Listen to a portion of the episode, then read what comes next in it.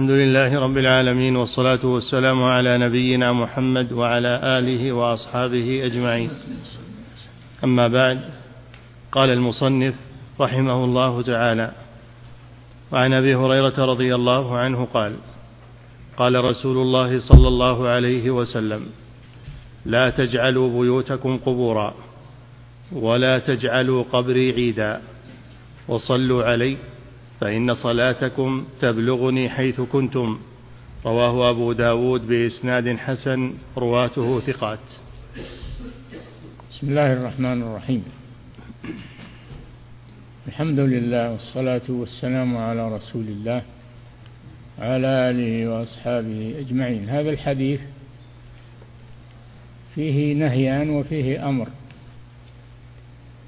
النهي الأول قوله صلى الله عليه وسلم لا تجعلوا بيوتكم قبورا. أي تخلو من ذكر الله ومن صلاة الليل. فتشبه القبور. بل أحيوها بالذكر وتلاوة القرآن ذكر الله وتلاوة القرآن حتى تكون بيوتا حية. منورة بالذكر.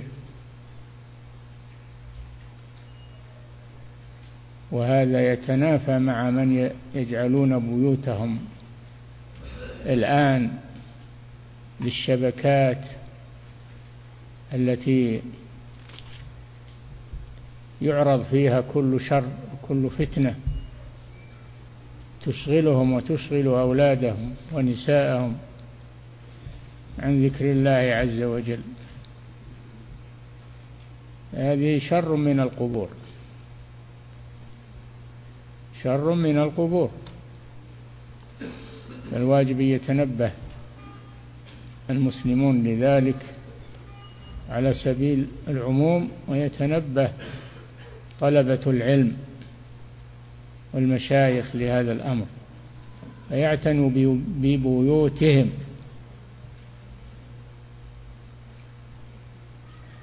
النهي الثاني لا تجعلوا بيوتكم قبورا ولا تجعلوا قبري عيدا. عيدا تعتادون التردد عليه. كل ما دخل المسجد المسجد النبوي يذهب يقول بسلم على الرسول أو يجلس عنده عند عند القبر قريبا منه. هذا لا يجوز. العيد ينقسم إلى قسمين عيد زماني كعيد الفطر وعيد الأضحى وعيد مكاني مثل المشاعر المقدسة و ومكة المسجد الحرام. هذه أعياد مكانية شرعية يتردد عليها ويجلس فيها وتحيا تحيا وتعمر. بالعبادة. الأمر أما الأمر فهو قول صلوا علي حيث كنتم.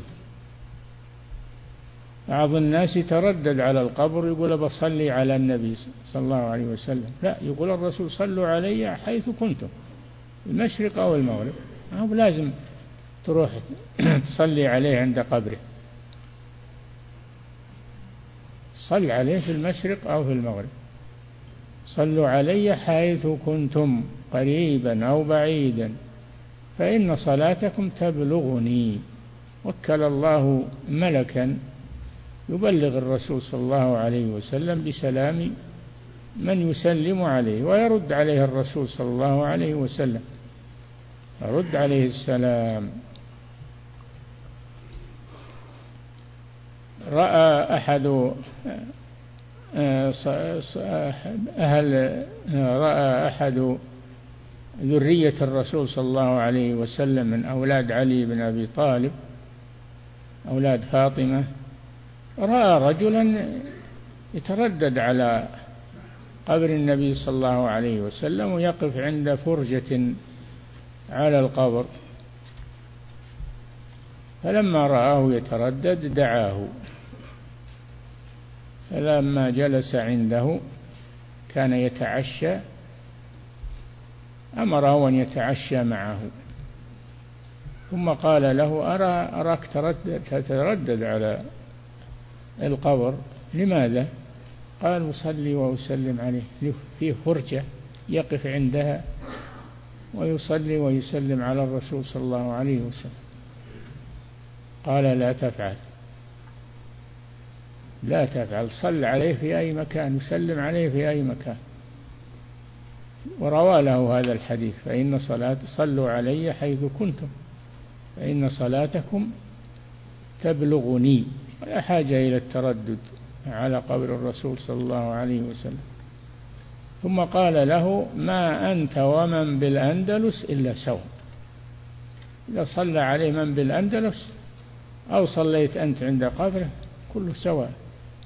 هذا يبلغ الرسول صلى الله عليه وسلم ويرد السلام على من سلم عليه. هذا فيه النهي عن الغلو في القبور تردد عليها. إذا كان قبر النبي صلى الله عليه وسلم لا يتردد عليه كيف بقبر بغيره من القبور؟ نعم.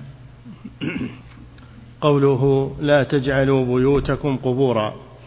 قال شيخ الإسلام أي لا تعطلوها من الصلاة فيها والدعاء والقراءة فتكون بمنزلة القبور.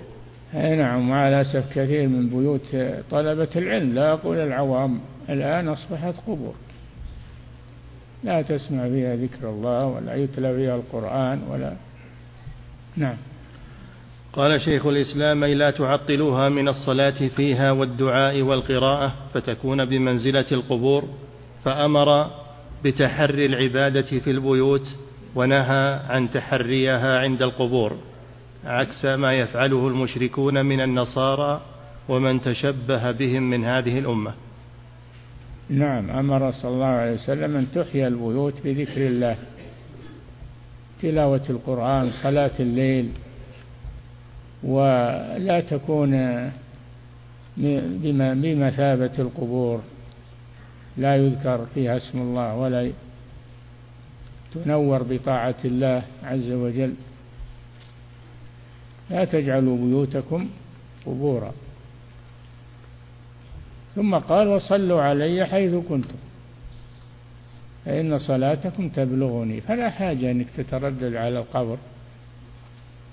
هذا يصيره عيدا مكانيا فلا تتردد عليه. نعم القادم من سفر القادم إلى المدينة من سفر يذهب إلى قبر النبي صلى الله عليه وسلم وقبر صاحبيه ويسلم عليهم مرة واحدة يسلم عليهم وينصرف. وإذا أراد الدعاء يدعو في المسجد النبوي لا يدعو عند القبر يدعو في المسجد النبوي. فيوجه إلى القبلة ويدعو نعم. فأمر بتحري العبادة في البيوت ونهى عن تحريها عند القبور عكس ما يفعله المشركون. إذا كان إذا كان قبر الرسول لا تحرى عنده العبادة لأن هذا وسيلة للغلو. فكيف بقبر غيره من قبور المشايخ والأولياء وما أشبه ذلك؟ هذا يصيرها أوثانا يصيرها أوثانا تعبد مع كثرة التردد عليها و... نعم. فأمر بتحري العبادة في البيوت ونهى عن تحريها عند القبور عكس ما يفعله المشركون من النصارى ومن تشبه بهم من هذه الأمة. نعم النصارى جعلوا قبور أنبيائهم وصالحيهم مساجد يصلون عندها. فنتج عن ذلك حدوث الشرك في النصارى والغلو في المسيح والغلو في آه، الأحبار والرهبان. نعم. وفي الصحيحين عن ابن عمر رضي الله عنهما مرفوعا اجعلوا من صلاتكم في بيوتكم ولا تتخذوها قبورا. اجعلوا من صلاتكم يعني صلاة التطوع. أما صلاة الفريضة هذه في المساجد ولا يصلي في البيت إلا إما معذور وإما من فاتته الصلاة. نعم. وفي صحيح مسلم عن ابن عمر رضي الله عنهما مرفوعا لا تجعلوا بيوتكم مقابر فإن الشيطان يفر من البيت الذي الذي يسمع سورة البقرة تقرأ فيه. نعم فإن الشيطان يفر من البيت. الذي تقرأ فيه سورة البقرة. فيحرص الإنسان على أن يقرأ سورة البقرة في بيته. ليطرد الشيطان عنه. نعم. قوله ولا تجعلوا قبري عيدا قال شيخ الإسلام العيد اسم لما يعود من الاجتماع العام على وجه معتاد عائد إما بعود السنة أو بعود الأسبوع أو الشهر ونحو ذلك. نعم. وقال ابن عيد مكاني يعني عيد مكاني للاجتماع عنده والدعاء عنده. لا يجوز هذا. نعم.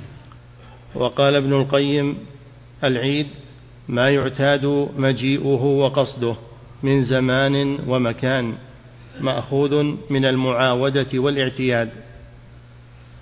نعم. فإذا كان اسما للمكان فهو المكان الذي يقصد فيه الاجتماع وانتيابه للعبادة أو لغيرها كما أن المسجد الحرام ومنى ومزدلفة وعرفة والمشاعر جعلها الله عيدا للحنفاء ومثابة.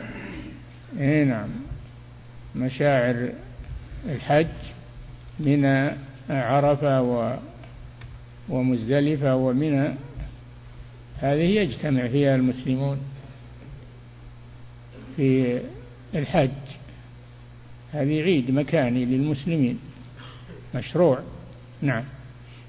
كما أن المسجد الحرام ومنى ومزدلفة وعرفة والمشاعر جعلها الله عيدا للحنفاء. ومثابة كما جعل أيام التعبد فيها عيدا. الحنفاء الموحدون الذين هم على ملة إبراهيم. نعم. كما جعل أيام التعبد فيها عيدا وكان للمشركين أعياد زمانية ومكانية. فلما جاء الله بالإسلام أبطلها. نعم أبطل أعياد الجاهلية. زمانية والمكانية. وجعل للمسلمين يومين يوم الأضحى يوم الفطر ويوم الإضحى. عيد الفطر وعيد الأضحى. وبطلت الأعياد الجاهلية كلها. نعم. وكان للمشركين أعياد زمانية ومكانية فلما جاء الله بالإسلام أبطلها وعوض الحنفاء منها عيد الفطر وعيد النحر وأيام منى. نعم وأيام منى أيام الحج. يجتمع فيها المسلمون اجتماع هذا عيد عيد مكاني للمسلمين كل سنة. نعم. كما عوضهم من أعياد المشركين المكانية الكعبة ومنى ومزدلفة وعرفات والمشاعر. نعم.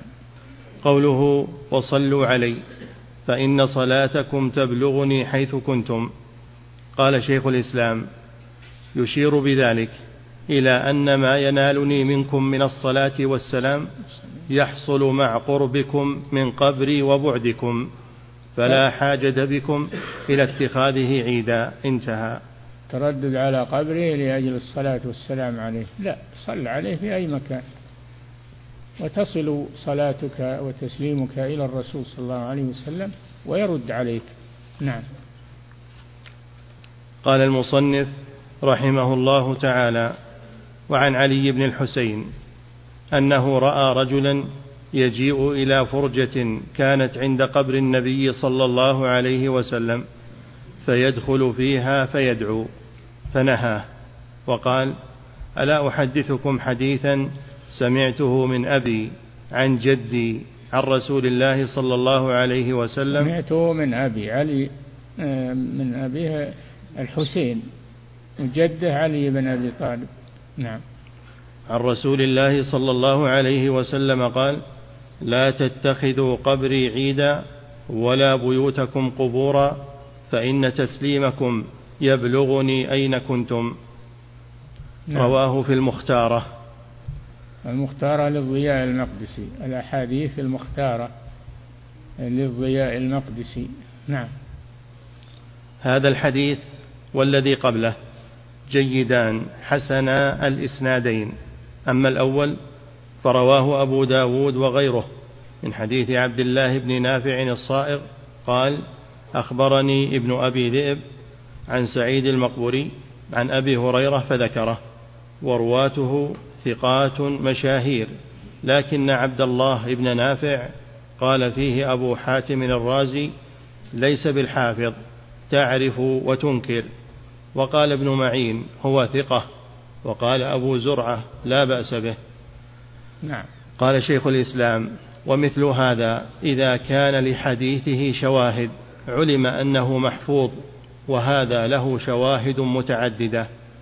نعم مع كونه مع كونه قوي الإسناد أيضا له شواهد أحاديث أخرى تؤيده. نعم.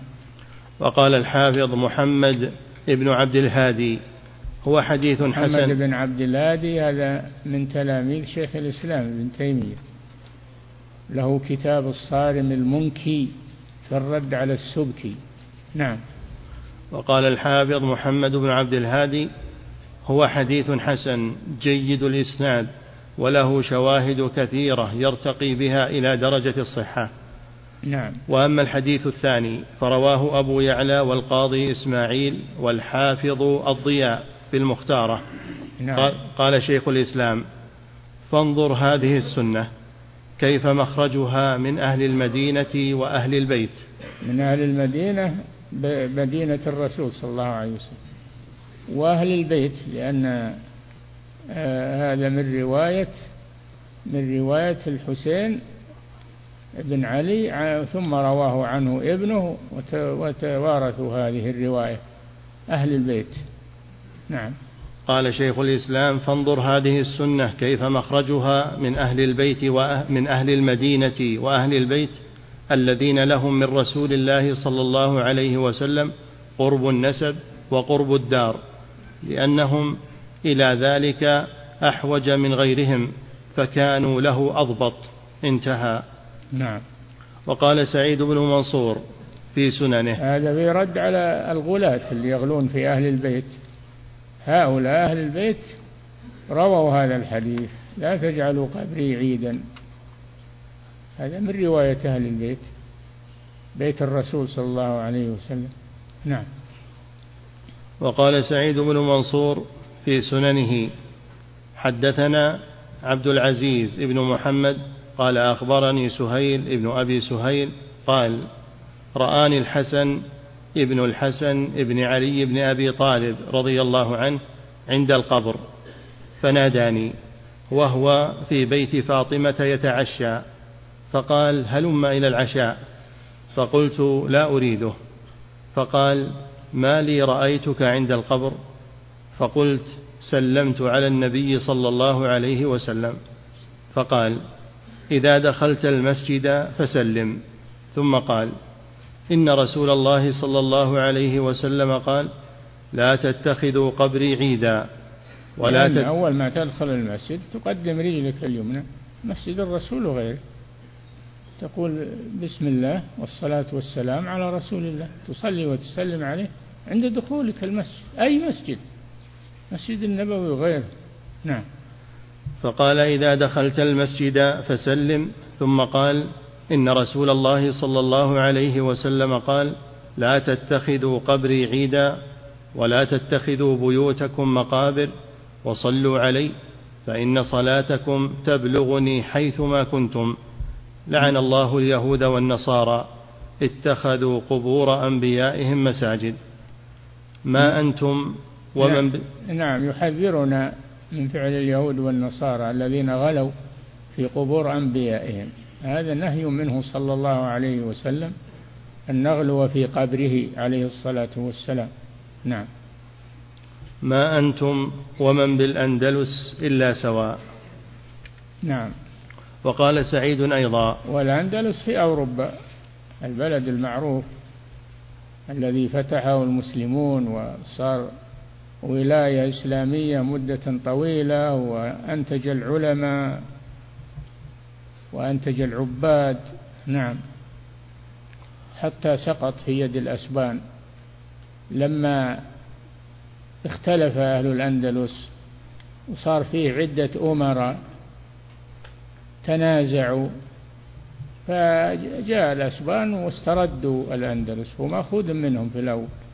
استردوه وطردوا المسلمين بسبب اختلاف المسلمين. يقول الشاعر مما يزهدني في أرض أندلس أسماء معتمد فيها ومعتضد أسماء مملكة في غير موضعها كالقط يحكي انتفاخا سولة الأسد. نعم. وقال سعيد أيضا حدثنا حبان بن علي قال حدثنا محمد بن عجلان عن أبي سعيد مولى المهري مولى المهري قال قال رسول الله صلى الله عليه وسلم لا تتخذوا بيتي عيدا ولا بيوتكم قبورا وصلوا علي فإن صلاتكم تبلغني. نعم تعددت الأحاديث من الرسول صلى الله عليه وسلم في هذا من الغلو في بيته والغلو في قبره. وهذا محافظة على عقيدة التوحيد من أن يدخلها شيء من الشرك بسبب الغلو في الصالحين. نعم. قال شيخ الإسلام فهذان المرسلان من هذين الوجهين المختلفين يدلان على ثبوت الحديث لا سيما وقد احتج به من أرسله وذلك يقتضي ثبوته عنده. هذا لو لم يروى من وجوه مسندة غير هذين فكيف وقد تقدم مسندا؟ نعم. قوله عن علي بن الحسين أي ابن علي ابن أبي طالب المعروف بزين العابدين رضي الله عنه أفضل نعم. التابعين من أهل البيت وأعلمهم. قال الزهري ما رأيت قرشيا أفضل منه. مات سنة ثلاث وتسعين على الصحيح وأبوه الحسين صبط رسول الله صلى الله عليه وسلم وريحانته. حفظ عن النبي صلى الله عليه وسلم واستشهد يوم عاشوراء سنة إحدى وستين وله ست وخمسون سنة. نعم. استشهد في كربلاء ذاهبا إلى العراق. فلقيتهم سرية فاقتتلوا معها وقتل الحسين رضي الله عنه في هذا المكان ودفن فيه رضي الله عنه. نعم. قوله أنه رأى رجلا يجيء إلى فرجة بضم الفاء وسكون الراء وهي الكوة في الجدار والخوخة ونحوهما. قوله فيدخل فيها فيدعو فنهاه. هذا يدل يدخل فيها يعني يدخل رأسه فيها. يزعم أن هذا أقرب إلى القبر. نعم. فيدخل فيها فيدعو فنهاه. هذا يدل على النهي عن قصد القبور والمشاهد لأجل الدعاء والصلاة عندها. هذا غلو في القبور لا يدعى عندها. الدعاء في أي مكان؟ في المساجد. أفضل شيء في المساجد هو عند القبور. نعم. فهذا يدل على النهي عن قصد القبور والمشاهد لأجل الدعاء والصلاة عندها. قال شيخ الإسلام ما علمت أحدا رخص فيه لأن ذلك نوع من اتخاذه عيدا. نعم. ما علمت أحدا رخص فيه. هذا حكاية للإجماع على هذا الأمر. أنه لا يجوز الدعاء عند القبور. نعم. ويدل أيضا إلا الدعاء للميت. الدعاء للميت نعم يدعى له عند قبره. نعم. قال شيخ الإسلام ما علمت أحدا رخص فيه لأن ذلك نوع من اتخاذه عيدا. ويدل أيضا أن قصد القبر للسلام إذا دخل المسجد ليصلي. القبر يعني قبر الرسول صلى الله عليه وسلم. نعم. ويدل أيضا أن قصد القبر للسلام إذا دخل المسجد ليصلي المسجد النبوي. نعم. إذا دخل المسجد ليصلي منهي عنه لأن ذلك لم يشرع. لا يشرع إلا للقادم من السفر. أما من كان بالمدينة سواء من أهلها أو من الوافدين عليها لا يجوز له التردد على قبر الرسول صلى الله عليه وسلم. السلام عليه هذا غلو. نعم. وكره مالك لأهل المدينة كلما دخل الإنسان المسجد أن يأتي قبر النبي صلى الله عليه وسلم لأن السلف لم يكونوا يفعلون ذلك. قال الإمام مالك رحمه الله هو في المدينة. هو في عالم المدينة عالم المدينة. وهو ينهى عن التردد على قبر الرسول صلى الله عليه وسلم لعلمه بالسنة النبوية. نعم. وكره مالك لأهل المدينة. ومعنى كره يعني حرم لأن الكراهية في عرف السابقين تعني الكراهية تعني التحريم. نعم. وكره مالك لأهل المدينة. كلما دخل الإنسان المسجد أن يأتي قبر النبي صلى الله عليه وسلم لأن السلف لم يكونوا يفعلون ذلك. قال ولن يصلح آخر هذه الأمة إلا ما أصلح أولها. هذه الكلمة المشهورة عن مالك رحمه الله. لا يصلح آخر هذه الأمة إلا ما أصلح أولها وهو الكتاب والسنة. نعم. ولن يصلح آخر هذه الأمة إلا ما أصلح أولها. نعم. وكان الصحابة والتابعون رضي الله عنهم يأتون إلى مسجد النبي صلى الله عليه وسلم فيصلون. فإذا قضوا الصلاة قعدوا أو خرجوا ولم يكونوا يأتون القبر للسلام لعلمهم أن الصلاة والسلام عليه في الصلاة أكمل وأفضل. نعم هو يصلي الصلاة على الرسول في ركن من أركان الصلاة في التشهد الأخير. ركن من أركان الصلاة في التشهد الأخير. يكفي هذا. نعم.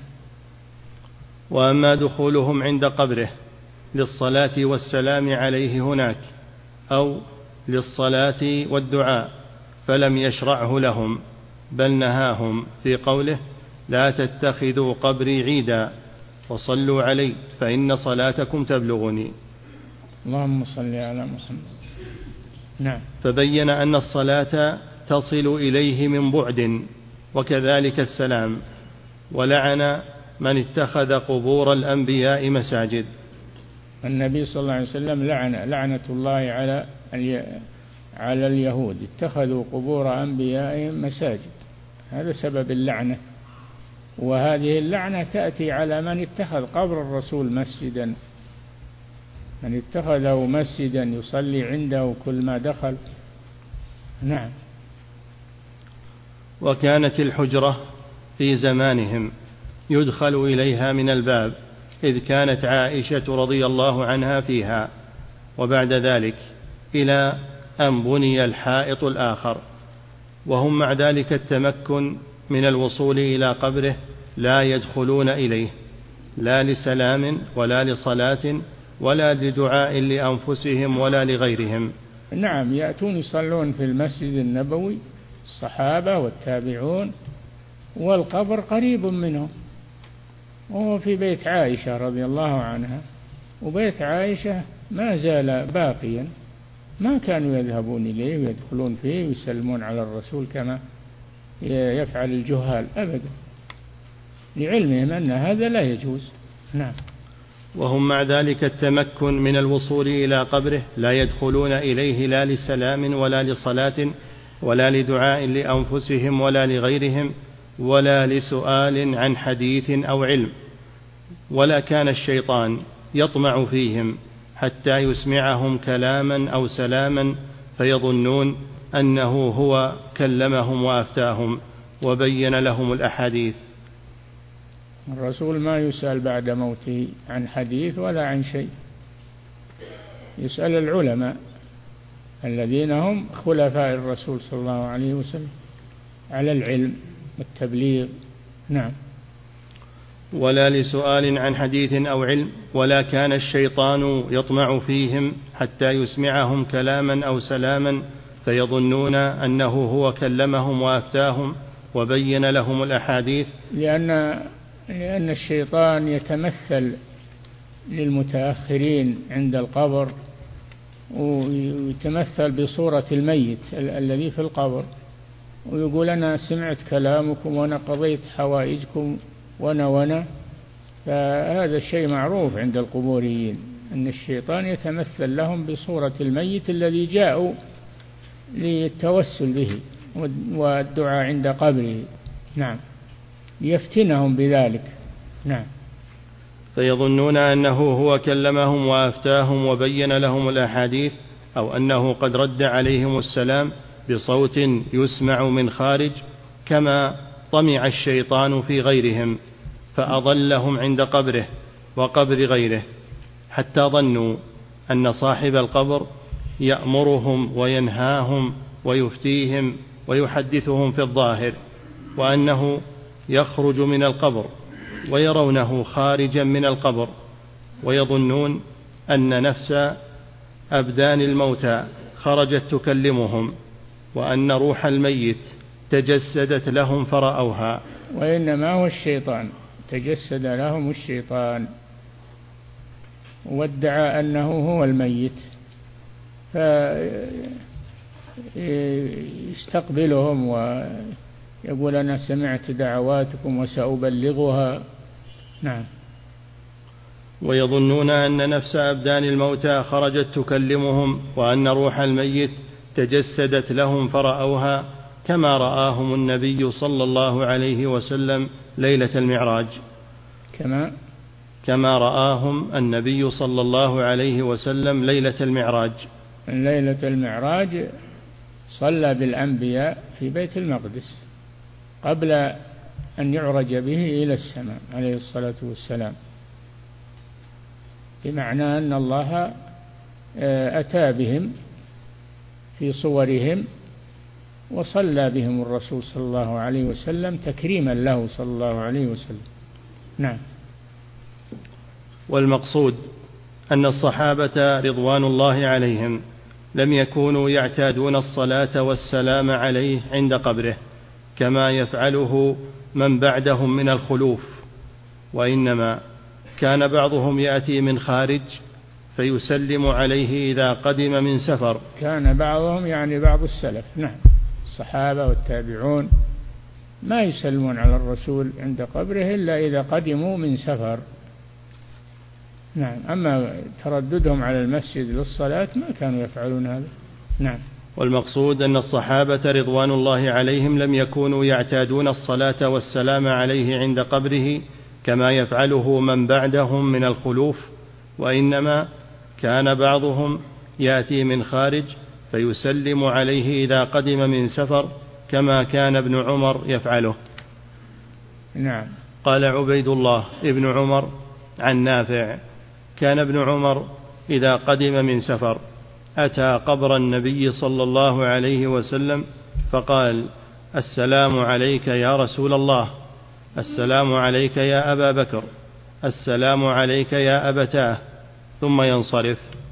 قال عبيد الله ما نعلم أحدا من أصحاب النبي صلى الله عليه وسلم فعل ذلك إلا ابن عمر.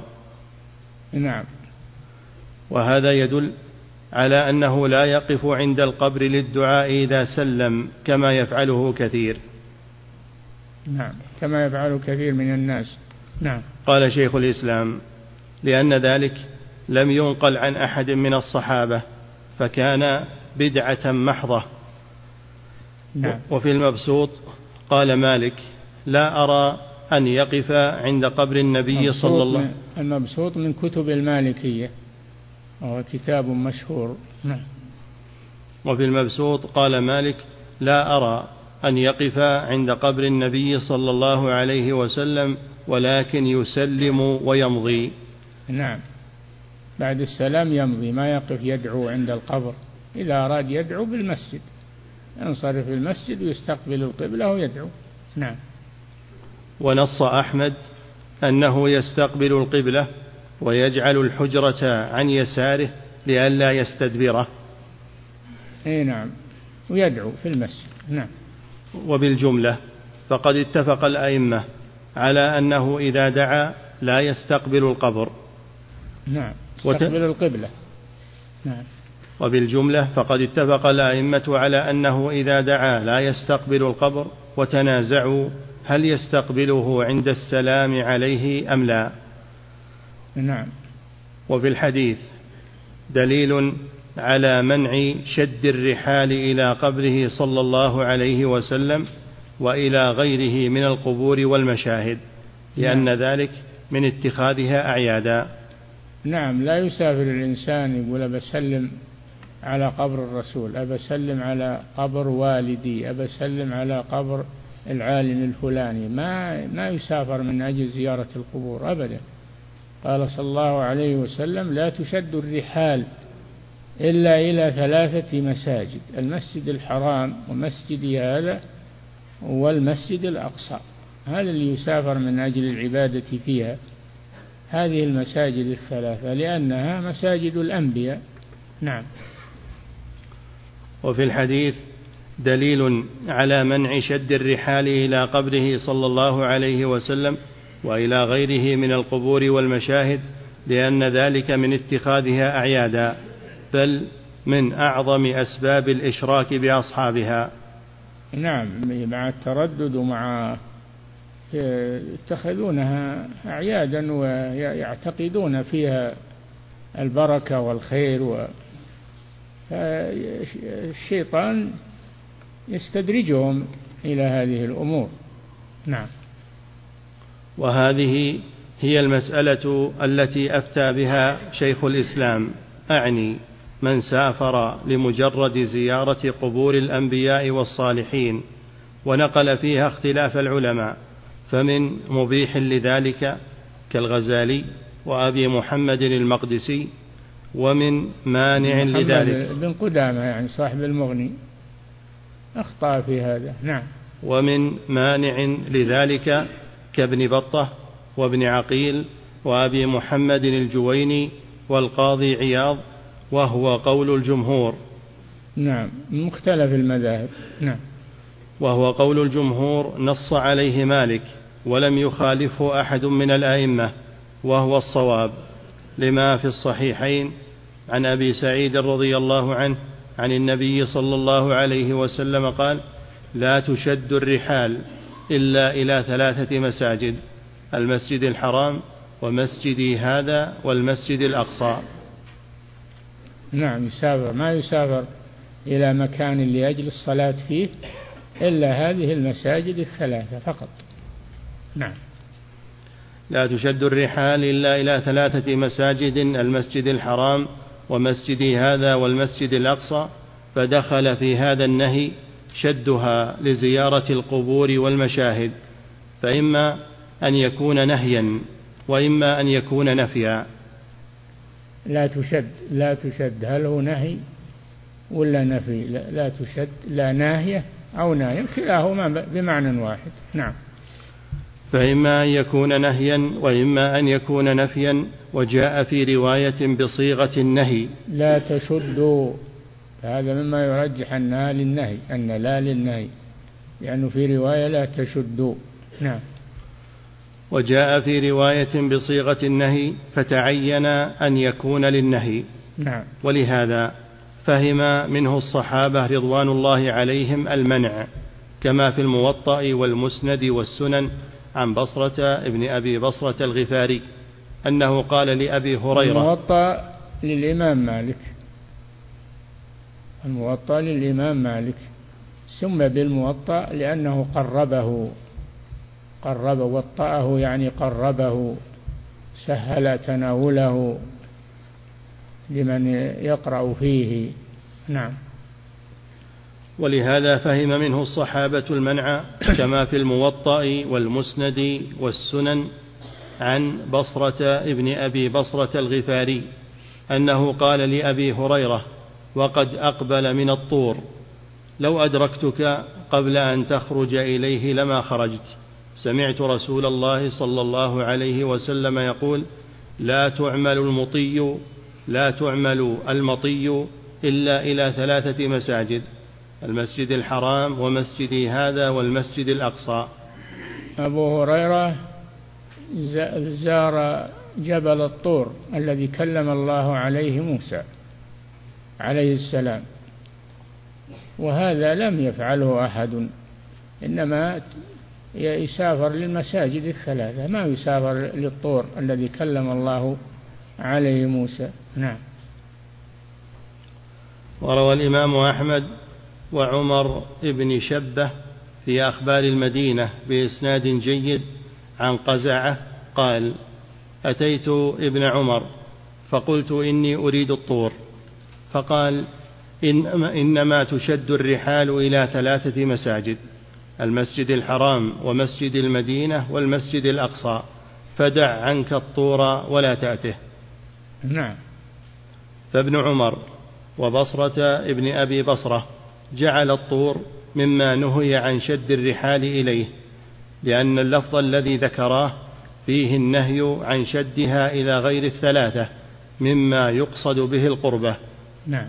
فعلم أن المستثنى منه عام في المساجد وغيرها وأن النهي ليس خاصا بالمساجد ولهذا نهي عن شدها إلى الطور مستدلين بهذا الحديث. نعم. والطور إنما يسافر من يسافر إليه لفضيلة البقعة فإن الله سماه الوادي المقدس والبقعة المباركة. وكلم كليمه موسى عليه الصلاة والسلام هناك وهذا هو الذي عليه الأئمة الأربعة وجمهور العلماء. نعم. ومن أراد بسط القول في ذلك والجواب عما يعارضه فعليه بما كتبه شيخ الإسلام مجيبا لابن الأخنائي فيما اعترض به على ما دلت عليه الأحاديث وأخذ به العلماء. وفي الجواب الباهر الذي نقل عنه ابن عبد الهادي رحمه الله. كتابان لشيخ الإسلام ابن تيمية. الجواب الباهر لزوار المقابر. والثاني الرد على الأخنائي. الرد على الأخنائي المالكي وهو مطبوع أيضا. الرد على الأخنائي المالكي. نعم. وفي الجواب الباهر الذي نقل عنه ابن عبد الهادي رحمه الله وقياس الأولى لأن المفسدة في ذلك ظاهرة. وأما النهي عن زيارة غير المساجد الثلاثة فغاية ما فيها أنها لا مصلحة في ذلك.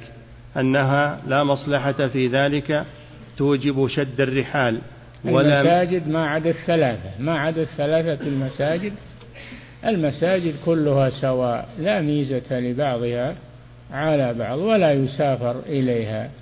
ما يسافر إلى غير المساجد الثلاثة فقط. نعم.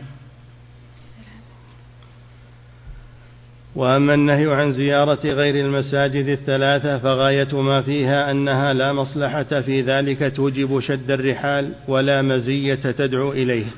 وقد بسط القول في ذلك وقد بسط القول في ذلك الحافظ محمد بن عبد الهادي في كتاب الصارم المنكي في رده على السبكي نعم وهو مطبوع و وموجود بأيدي طلبة العلم والعلماء. نعم. وذكر هو وشيخ وذكر فيه وقد بسط القول في ذلك الحافظ محمد بن عبد الهادي في كتاب الصارم المنكي في رده على السبكي وذكر فيه علل الأحاديث الواردة في زيارة قبر النبي صلى الله عليه وسلم. نعم في هذا الكتاب ابن عبد الهادي رحمه الله تناول كل الأحاديث الواردة في السفر للقبور وأبطلها وبين أسانيدها واحدا واحدا. نعم. وذكر هو وشيخ الإسلام رحمه الله أنه لا يصح منها حديث عن النبي صلى الله عليه وسلم.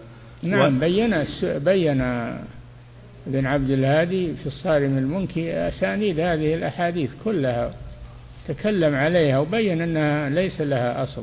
نعم.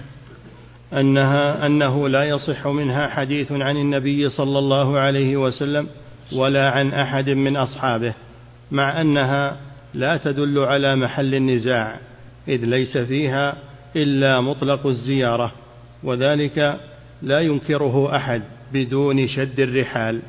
زيارة القبور مشروعة لمن كان في البلد ولا يسافر لأجل زيارة القبور لا قبور الأنبياء ولا غيرهم أبدا ما يسافر لا تشد الرحال إلا للصلاة. للصلاة ما هو لزيارة القبور للصلاة في المساجد الثلاثة. نعم. إذ ليس فيها إلا مطلق الزيارة وذلك لا ينكره أحد بدون شد الرحال فيحمل على الزيارة الشرعية التي ليس فيها شرك ولا بدعة. نعم. قوله رواه في المختارة المختارة كتاب جمع فيه مؤلفه الأحاديث الجياد الزائدة على الصحيحين. ومؤلفه هو أبو عبد الله محمد بن عبد الواحد المقدسي الحافظ ضياء الدين الحنبلي أحد الأعلام. قال نعم. الذهبي أفنى عمره أفنى عمره في هذا الشأن مع الدين المتين والورع والفضيلة التامة والإتقان فالله يرحمه ويرضى عنه. حافظ عبد الغني رحمه الله صاحب هالكتاب نعم. وقال شيخ الإسلام تصحيحه في مختاراته خير من تصحيح الحاكم بلا ريب. تصحيح الضياء في مختار في مختاره مختاراته أو الأحاديث المختارة تصحيحه أحسن من تصحيح تصحيح الحاكم في المستدرك. نعم. وقال شيخ الإسلام تصحيحه في مختاراته خير من تصحيح الحاكم بلا ريب. مات سنة ثلاث وأربعين وستمائة. ولا نعم. هذا يبين لنا أن الأمر ولله الحمد موضح ما في غموض لمن يطلب الحق. نعم. قال المصنف رحمه الله فيه مسائل. الأولى تفسير آية براءة. لقد جاءكم رسول من أنفسكم عزيز عليه ما عنتم. إلى آخر الآية. فإذا كان الرسول حريص علينا كيف يترك هذه الأمور ما يبينها لنا؟ بينها صلى الله عليه وسلم. بين حكم السفر إلى القبور بين لنا حكم الغلو في الصالحين. لأنه حريص علينا عليه الصلاة والسلام. نعم. الثانية إبعاده صلى الله عليه وسلم أمته عن هذا الحمى غاية البعد. آه نعم أبعد صلى الله عليه وسلم أمته عن حمى التوحيد عن عما يخل عن ما يخل بالتوحيد وجعل للتوحيد حما يحميه. وهذا منه صلى الله عليه وسلم من باب البيان والتوضيح للأمة. نعم. الثالثة ذكر حرصه عليه الصلاة والسلام علينا ورأفته ورحمته. حريص عليكم في نفس الآية حريص عليكم. نعم. بالمؤمنين رؤوف رحيم صفات للرسول صلى الله عليه وسلم. نعم. الرابعة نهيه عن زيارة قبره على وجه مخصوص مع أن زيارته من أفضل الأعمال.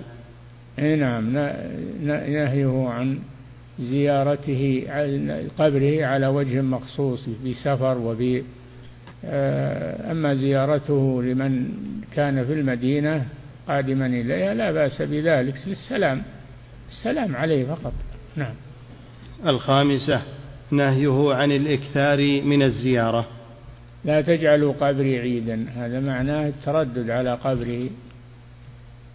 إذا تردد الإنسان عليه جعله عيدا يذهب ويعود إليه يذهب ويعود إليه. نعم. السادسة حثه على النافلة في البيت. صلوا في بيوتكم ولا تجعلوها قبورا. حث صلى الله عليه وسلم على ذلك. نعم. السابعة أنه متقرر عندهم أنه لا يصلى في المقبرة. عند عند المخاطبين أنه لا يصلى في المقبرة. لا تجعلوها قبورا المقبرة ما يصلى فيها. فلا تجعلوا بيوتكم مثل المقبرة لا يصلى فيها. نعم. الثامنة تعليل ذلك بأن صلاة الرجل وسلامه عليه يبلغه وإن بعد فلا حاجة إلى ما يتوهمه من أراد القرب. نعم قوله صلى الله عليه وسلم صلوا علي حيث كنتم فإن صلاتكم تبلغني فالقريب والبعيد سوا في هذا. نعم. التاسعة كونه صلى الله عليه وسلم في البرزخ تعرض أعمال أمته في الصلاة والسلام عليه. كونه في البرزخ يعني القبر. سمي البرزخ لأنه فاصل بين الآخرة والدنيا. لأن دار الدنيا ودار البرزخ ودار الآخرة. ثلاث دور يمر بها الإنسان. والاستقرار في الآخرة. وإن الآخرة هي دار القرار. إما في الجنة وإما في النار. هي دار القرار. ما بعد انتقال نعم. التاسعة كونه صلى الله عليه وسلم في البرزخ تعرض أعمال أمته في الصلاة والسلام عليه. ومن ورائهم برزخ إلى يوم يبعثون مراد بذلك القبر. نعم. قال المصنف رحمه الله باب ما جاء أن بعض هذه الأمة يعبد الأوثان. يكفي. نعم. فضيلة الشيخ وفقكم الله هذا سائل يقول ما معنى الصلاة على رسول الله صلى الله عليه وسلم وما المراد بها؟ الصلاة من الآدميين الدعاء يدعون للرسول صلى الله عليه وسلم. إذا صلوا عليه يعني يدعون له عليه الصلاة والسلام. نعم. فضيلة الشيخ وفقكم الله هذا سائل يقول هل يجوز أن أخاطب النبي صلى الله عليه وسلم بهذا الخطاب صلى الله عليك يا رسول الله. لا وش الداعي لهذا؟ استحضار يعني من باب الاستحضار ما يتخذ هذا دائما. إذا قاله بعض المرات لمناسبة فلا بأس أما أنه يتخذ هذا دائما يخاطبه مخاطبة الحاضر لا. نعم. فضيلة الشيخ وفقكم الله في قول الرسول صلى الله عليه وسلم فإن الشيطان يفر من البيت الذي تقرأ فيه سورة البقرة. هل المقصود أن سورة البقرة تقرأ كاملة في البيت لطرد الشيطان أم لا بأس أن يقرأ ما تيسر منها؟ لا تقرأ كاملة. تقرأ كاملة. ولا يقرأ بعضها. قال تقرأ فيه سورة البقرة. يعني كاملة. نعم. فضيلة الشيخ وفقكم الله هذا سائل يقول هل يجزئ في قراءة سورة البقرة في البيت أن يشغل الإنسان المسجل على سورة البقرة؟ نعم. لا القراءة عبادة. المسجل ما يصلي ولا يصوم ولا المسجل آلة فقط. فالقراءة عبادة لا بد يقوم بها مسلم ما هو مسجل. نعم. فضيلة الشيخ وفقكم الله. هذا سائل يقول عند سفري إلى مسجد رسول الله صلى الله عليه وسلم ومكوثي هناك تقريبا لمدة أسبوع. يقول يقول عند سفري إلى مسجد رسول الله صلى الله عليه وسلم ومكثي هناك لمدة أسبوع فهل لي أن أسلم على قبر الرسول صلى الله عليه وسلم أكثر من مرة؟ لا تسلم عليه عند قدومك. عند قدومك إلى المدينة ويكفي. نعم. فضيلة الشيخ وفقكم الله هذا سائل يقول ذكرتم حفظكم الله أنه عند دخوله إلى المسجد النبوي يقدم رجله اليمنى. يقول ما المقصود بحدود المسجد النبوي؟ هل هي الساحات الخارجية أم البوابات الداخلية الموجودة؟ المحوط كل المحوط كله يعتبر مسجد الرسول صلى الله عليه وسلم. نعم. فضيلة الشيخ وفقكم الله هذا سائل يقول بقوله عليه الصلاة والسلام في قراءة سورة البقرة وأنها تطرد الشيطان هل المقصود في هذا الحديث أنها تقرأ كل, كل يوم في البيت؟ إذا قرأتها كل يوم في البيت هذا شيء طيب. نعم. فضيلة الشيخ وفقكم الله هذا سائل يقول ذكر شيخ الإسلام ابن تيمية رحمه الله أن الزيارة للقبور على ثلاثة أنواع زيارة شرعية وزيارة شركية وزيارة بدعية. نعم ذكر. ذكر شيخ الإسلام ابن تيمية رحمه الله أن زيارة القبور على ثلاثة أنواع زيارة شرعية وزيارة شركية وزيارة بدعية. يقول أرجو من فضيلتكم توضيح ذلك. زيارة الشرعية معروفة تزورها للسلام على الميت والدعاء له. هذه الزيارة الشرعية. زيارة شركية يزورها لتوسل بالأموات وطلب قضاء الحوائج منهم. هذه زيارة شركية. زيارة بدعية أن يزورها أن يزورها في على غير الصفة الواردة في السنة. البدعة ما خالف السنة أن يزورها على غير الصفة الواردة في السنة يسلم على الميت ويدعو له ثم ينصرف. نعم. فضيلة الشيخ وفقكم الله هذا سائل يقول أذهب إلى الاعتكاف. في جامع في مكة. يقول وأسافر لأجل هذا وقبل ذلك آخذ عمرة. هل يجوز لي هذا الأمر؟ ما يقصد ما تقصد مسجد معين إلا المسجد الحرام. أما بقية المساجد في مكة كلها سواء ما تخصص واحد منها. نعم.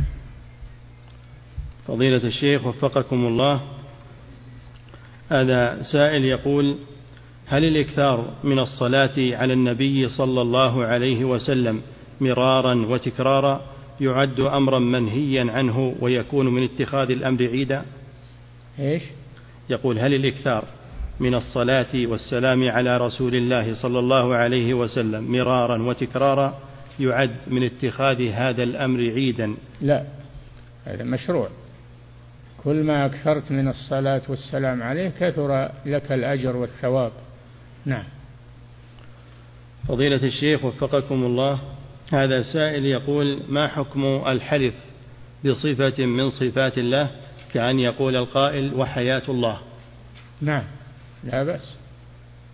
بأسمائه أو بصفاته سبحانه يجوز هذا لأنه ليس حلفا بالصفة وإنما هو حلف بالموصوف. نعم. فضيلة الشيخ وفقكم الله هذا سائل يقول ذكر المؤلف رحمه الله القبور والمشاهد. يقول ما المقصود بالمشاهد؟ المشاهد المبنية المشهد الحسيني والمشهد القادري والمشاهد المبنية على القبور التي يزورها المشركون والمبتدعة. نعم. فضيلة الشيخ وفقكم الله بعد السلام على الميت وعند إرادة الدعاء له. هل يتوجه الناس إلى القبلة أثناء الدعاء؟ أي نعم. إذا أراد أن يدعو للميت استقبل القبلة. يقف على قبره ويستقبل القبلة ويدعو له. أما السلام على الميت فيأتي عند وجه الميت مقابل وجه الميت ويسلم عليه كالحي. نعم. فضيلة الشيخ وفقكم الله هذا سائل يقول إذا أراد الزائر أن يسلم على النبي صلى الله عليه وسلم هل يسلم عليه وهو ماش أو يقف أمام القبر ويتجه إلى القبر ثم يسلم؟ يصلي ويسلم عليه ماشيا وجالسا ومضطجعا على أي حال. نعم. فضيلة الشيخ وفقكم الله هذا سائل يقول هناك قبر في إحدى البلاد يدعي أصحابه وجماعة من الصوفية يقول أنه لنبي الله هود وتشد الرحال إليه ويدعى عنده. يقول ما القول في هذا القبر؟ هذا باطل ولا يعرف على وجه الأرض قبر نبي من الأنبياء إلا قبر نبينا محمد صلى الله عليه وسلم ولم يعرف قبر نبي على وجه الأرض أبدا إلا قبر نبينا. محمد صلى الله عليه وسلم. نعم. فضيلة الشيخ وفقكم الله هذا سائل يقول إذا ذهبت المرأة إلى الروضة في الحرم المدني وأرادت الاتجاه إلى القبر والسلام على رسول الله صلى الله عليه وسلم وصاحبيه فهل لها هذا؟ إي نعم تصلي على الرسول وتسلم عليه وهي في مكانها ما حاجة تروح للقبر. نعم. فضيلة الشيخ وفقت صلوا علي حيث كنتم. الرسول يقول صلوا علي حيث كنتم. نعم. فضيلة الشيخ وفقكم الله. هذا سائل يقول ما حكم تخصيص يوم معين لزيارة قبور ذوي الأرحام في كل أسبوع؟ لا ما يخصص. ما يخصص. لا جمعة ولا متى ما تيسر له لكن ما يكرر الزيارة. ما يكرر الزيارة دائما إنما إذا أخذ فترة يزور قبر قريبه ويدعو له. نعم. فضيلة الشيخ وفقكم الله وهذا سائل يسأل قريبا منه يقول هل هناك فترة معينة محددة تكون مشروعة للتردد وزيارة القبور؟ لا ليس هناك وقت محدد معين أبدا. في أي يوم تيسر لك ولا تكثر كل يوم أو كل أسبوع بين فترة وأخرى. نعم. فضيلة الشيخ وفقكم الله هذا سائل يقول في قوله صلى الله عليه وسلم لا تجعلوا قبري عيدا يقول قال بعض يقول قال أحد العلماء أي أكثروا من الزيارة له صلى الله عليه وسلم ولا تجعلوه كالعيد لا يزار إلا مرة في العام. هذا كلام باطل فاسد. ما هذا كلام الرسول صلى الله عليه وسلم؟ الرسول نهى عن التردد على قبره وهذا يقول ما تخلونه مثل العيد مثل العيد بالسنة مرة. يعني معناها أكثروا من الزيارة. هذا هذا خلاف السنة. نعم. فضيلة الشيخ وفقكم الله هذا سائل يقول هل يؤخذ مما مر معنا من النهي عن زيارة جبل الطور وشد الرحل له؟ النهي عن زيارة الآثار والأماكن السياحية المتعلقة بالتاريخ؟ ما هو طيب يعني الآثار اللي يطلعوا علينا وصاروا يعني ينوهون فيها هذه وسيلة إلى إلى الغلو فيها وهذا بيت فلان وهذا قبر فلان وهذا. ما ما يجوز هذا الشيء ما فيها آثار تزار وتحيا أبدا. نعم.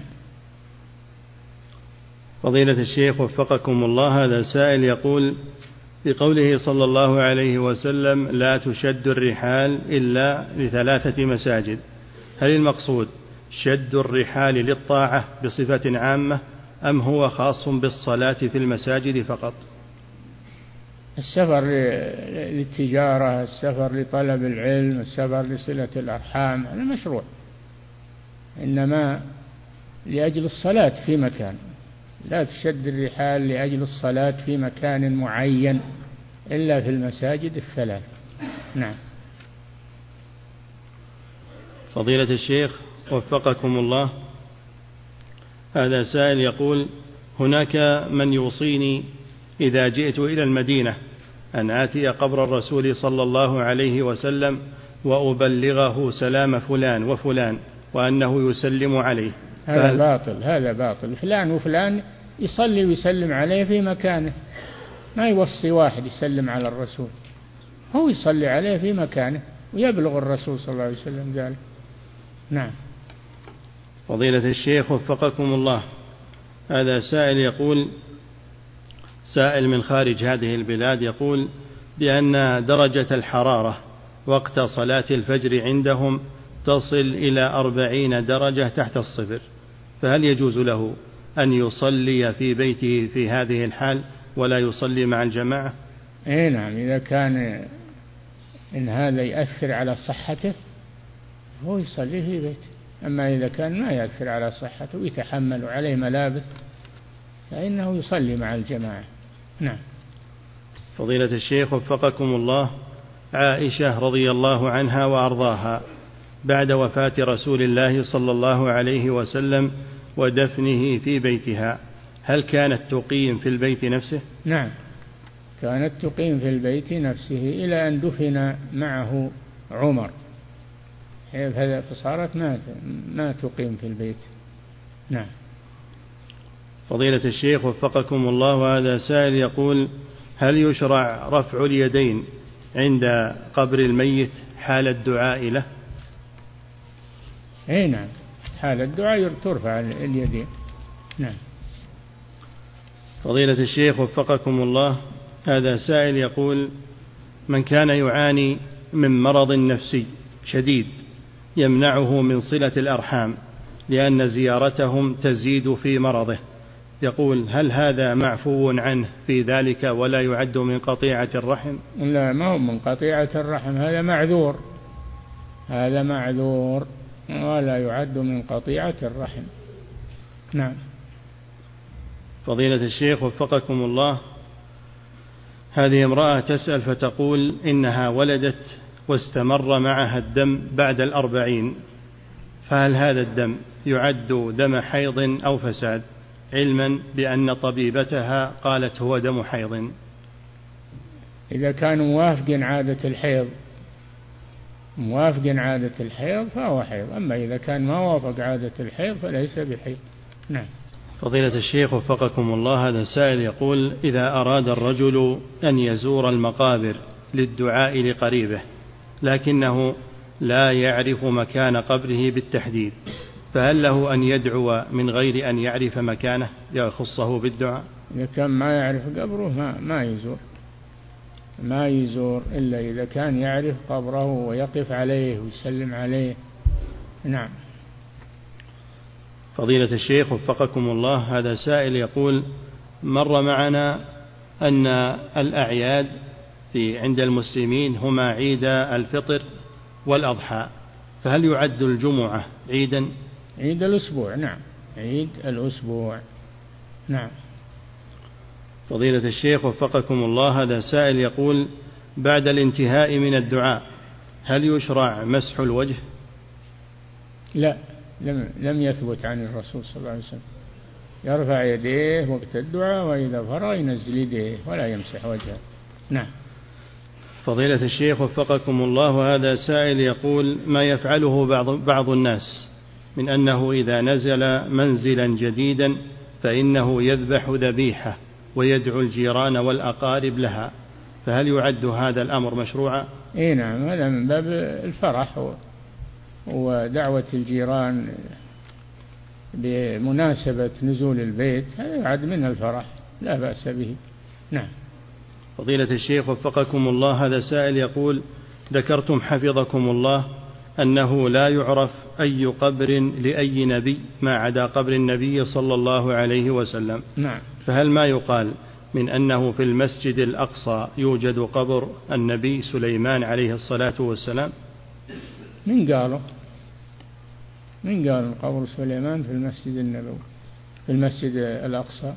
ما ثبت هذا ولا. نعم. فضيلة الشيخ وفقكم الله بقوله عليه الصلاة والسلام لا تشد الرحال إلا إلى ثلاثة مساجد. هل معنى ذلك؟ أنه يمنع شد الرحل لأجل طلب العلم؟ لأجل الصلاة ما تشد الرحال لأجل الصلاة. أما شد الرحال لطلب العلم لطلب التجارة لصلة الأرحام لأجل السياحة يعني السياحة الجائزة لا بأس. نعم. مباح هذا مباح. نعم. فضيلة الشيخ وفقكم الله هذا سائل يقول من سافر إلى المدينة فهل له أن يزور شهداء أحد؟ نعم. و... نعم يزور يزور البقيع ويزور شهداء أحد. نعم. فضيلة الشيخ وفقكم الله هذا سائل يقول هناك من يطالب بإنشاء متحف إسلامي يوضع فيه كل ما يتعلق بالنبي صلى الله عليه وسلم من آثار. يقول ما التوجيه في ذلك؟ لا يجوز هذا لأن هذا يبعث على الغلو في هذه الآثار ويقال هذا بعد النبي وهذا لامسها النبي وهذا وهذا. ما يجوز هذا. هذا إحياء للبدعة. نعم. فضيلة الشيخ وفقكم الله هذا سائل يقول من يقول بأن مذهب السلف أسلم ومذهب الخلف أعلم وأحكم أعلم وأحكم. يقول هل هذا القول صحيح؟ هذا باطل. السلف أعلم وأحكم من الخلف. وقد رد على هذا الشيخ ابن رجب رحمه الله في رسالة فضل علم السلف على علم الخلف. رسالة مطبوعة. نعم. فضيلة الشيخ وفقكم الله هذا سائل يقول سائل من خارج هذه البلاد يقول عندنا شيخ كنا ذات يوم في المقبرة وحانت صلاة العصر فقام وأذن وصلى صلاة العصر داخل المقبرة. يقول هل هناك خلاف في هذه المسألة؟ لا خلاف في هذه المسألة وهذا إما أنه جاهل ولا أنه ضال مضل. ما يصلى في المقبرة إلا صلاة الجنازة فقط. نبهوه ولو لو ترك مخطي وأعيدوا الصلاة أيضا. نعم. فضيلة الشيخ وفقكم الله هذا سائل يقول ما معنى ما ورد في الحديث إن لله تسعة وتسعين اسما من أحصاها دخل الجنة؟ ما المقصود بمن أحصاها؟ أحصاها يعني عرفها وعرف معناها ودعا الله بها. نعم. فضيلة الشيخ وفقكم الله هذا سائل يقول ما حكم الحلف بالولي الفلاني أو بحياة الأب أو الأم؟ هذا شرك. من حلف بغير الله فقد كفر أو أشرك. هذا في الحديث. لا تحلفوا بآبائكم. من كان حالفا فليحلف بالله أو ليصمت يقول الرسول صلى الله عليه وسلم. نعم. فضيلة الشيخ وفقكم الله هذا سائل يقول إذا دفن الرجل في فناء منزله فهل يجوز للمرأة أن تذهب إلى هذا الفناء وتزور قريبها وتسلم عليه؟ لا المرأة ما تزور القبور ما تزور القبور لا في بيتها وأيضا ليش يترك في البيت؟ ينقل إلى المقابر ما يخلى في البيت. أحسن له. نعم. فضيلة الشيخ وفقكم الله. هذا سائل يقول هل يجوز تعليق الحرز إذا كان محتويا على أسماء الله عز وجل أو فيه سور من القرآن؟ لا يجوز هذا. تعليق الحروز ما يجوز لا من القرآن ولا غيره عند المحققين. ما يجوز هذا لأن هذا وسيلة إلى الغلو والشرك. فلا يجوز هذا. نعم. فضيلة الشيخ وفقكم الله هذا سائل يقول ما يقوله بعض الناس بأن الذبح للضيف هو ذبح لغير الله فلا يجوز؟ هل كلامهم هذا صحيح؟ لا لا ما هو صحيح. ذبح للضيف هذا مأمور به لأنه إكرام للضيف فقد أمر بإكرام الضيف.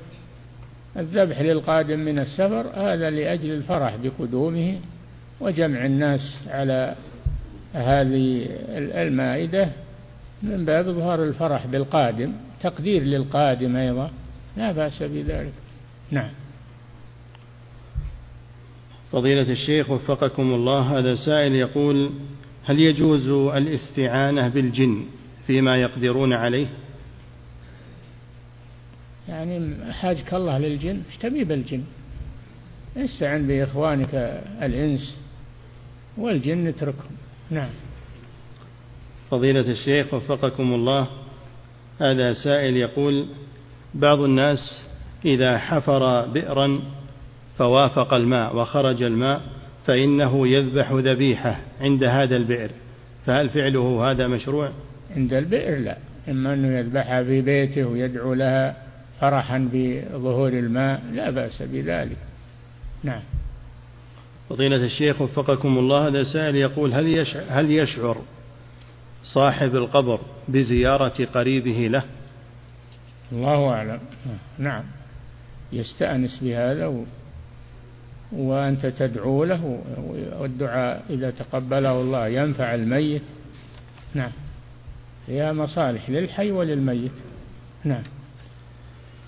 فضيلة الشيخ وفقكم الله هذا سائل يقول ما حكم التوسل بالنبي صلى الله عليه وسلم؟ لا يجوز التوسل بالنبي ولا بغيره. التوسل بأسماء الله وصفاته ولا يجوز التوسل بالمخلوق. نعم. فضيلة الشيخ وفقكم الله هذا سائل يقول بعض الناس يحرجوننا بكلمة وهي أنه إذا أراد مني شيئا فيقول أسألك بالله أن تعطيني كذا أو أن تفعل كذا. فهل يجب علي أن أجيبه إذا قال هذه اللفظة؟ هذا إحراج ولكن إذا سألك بالله فأعطه. قال صلى الله عليه وسلم من سألكم بالله فأجيبوه. تعظيما لله سبحانه وتعالى. نعم. فضيلة الشيخ وفقكم الله هذا سائل يقول عند إرادة الأكل فإنه يبدأ فيقول بسم الله. فهل يزيد بسم الله الرحمن الرحيم؟ لا بأس بذلك. إذا قال بسم الله الرحمن الرحيم أو قال بسم الله فقط كله خير. نعم. فضيلة الشيخ وفقكم الله هذا سائل يقول ما حكم صلاة من صلى وعلى ملابسه صور لذوات الأرواح؟ حرام. يأثم على هذا. صلاته صحيحة لكن يأثم بحمل الصور في الصلاة نعم. وكذلك حفظك الله يسأل يقول ما حكم بيع الذهب الذي يكون فيه رسوم وفيه صور كصور الفراشات والحيوانات؟ صار من تباغيه أعطه غيرك. صار من تباغيه أعطه غيرك. العملة من قديم وهي حط صور الملوك وصور السلاطين. وإن كان هذا ما, هو جائز لكن ينتفع بالذهب ويقتنى لأجل الحاجة إليه. وأنت ما قصدك الصورة؟ قصدك الذهب والنقود. يعني الدراهم اللي معكم الآن الورقية فيها صورة الملك ولا لا؟ ها؟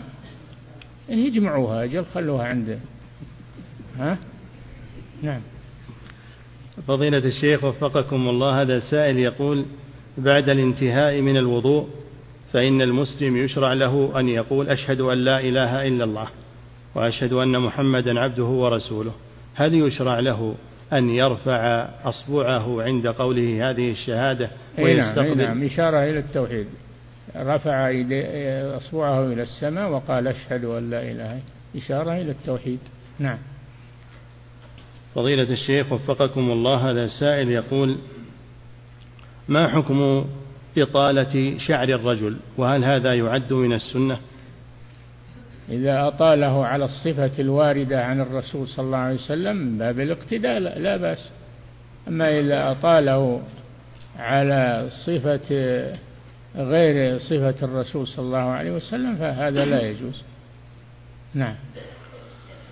فضيلة الشيخ وفقكم الله هذا سائل يقول جاء في الحديث عنه صلى الله عليه وسلم في الحديث القدسي أنه قال يؤذيني ابن آدم يسب الدهر وأنا الدهر. هل يقال بأن الدهر اسم من أسماء الله عز وجل؟ لا ما يقال هذا. بين الرسول أنا الدهر أقلب الليل والنهار. هذا معنى أنا الدهر أن الله يتصرف في الدهر. وليس الدهر هو الذي يتصرف. فهو بيده الأمر. يقول صلى الله عليه وسلم عن ربه أنه يقول وأنا الدهر. بيدي الأمر. أقلب الليل والنهار. فليس الدهر من أسماء الله. يذكر عن ابن حزم رحمه الله أنه يرى أنه من أسماء الله لكن هذا غلط. نعم. فضيلة الشيخ وفقكم الله هذا سائل يقول عند قدوم قادم فهل يشرع القيام له أم أن هذا فيه خلل القيام للسلام عليه لا بأس. القيام لأجل السلام عليه واستقباله لا بأس. أما القيام احتراما له فقط ولا تسلم عليه لا يجوز هذا. نعم. انتهى وفقط الله تعالى أعلم. صلى الله وسلم على نبينا محمد وعلى آله وصحبه.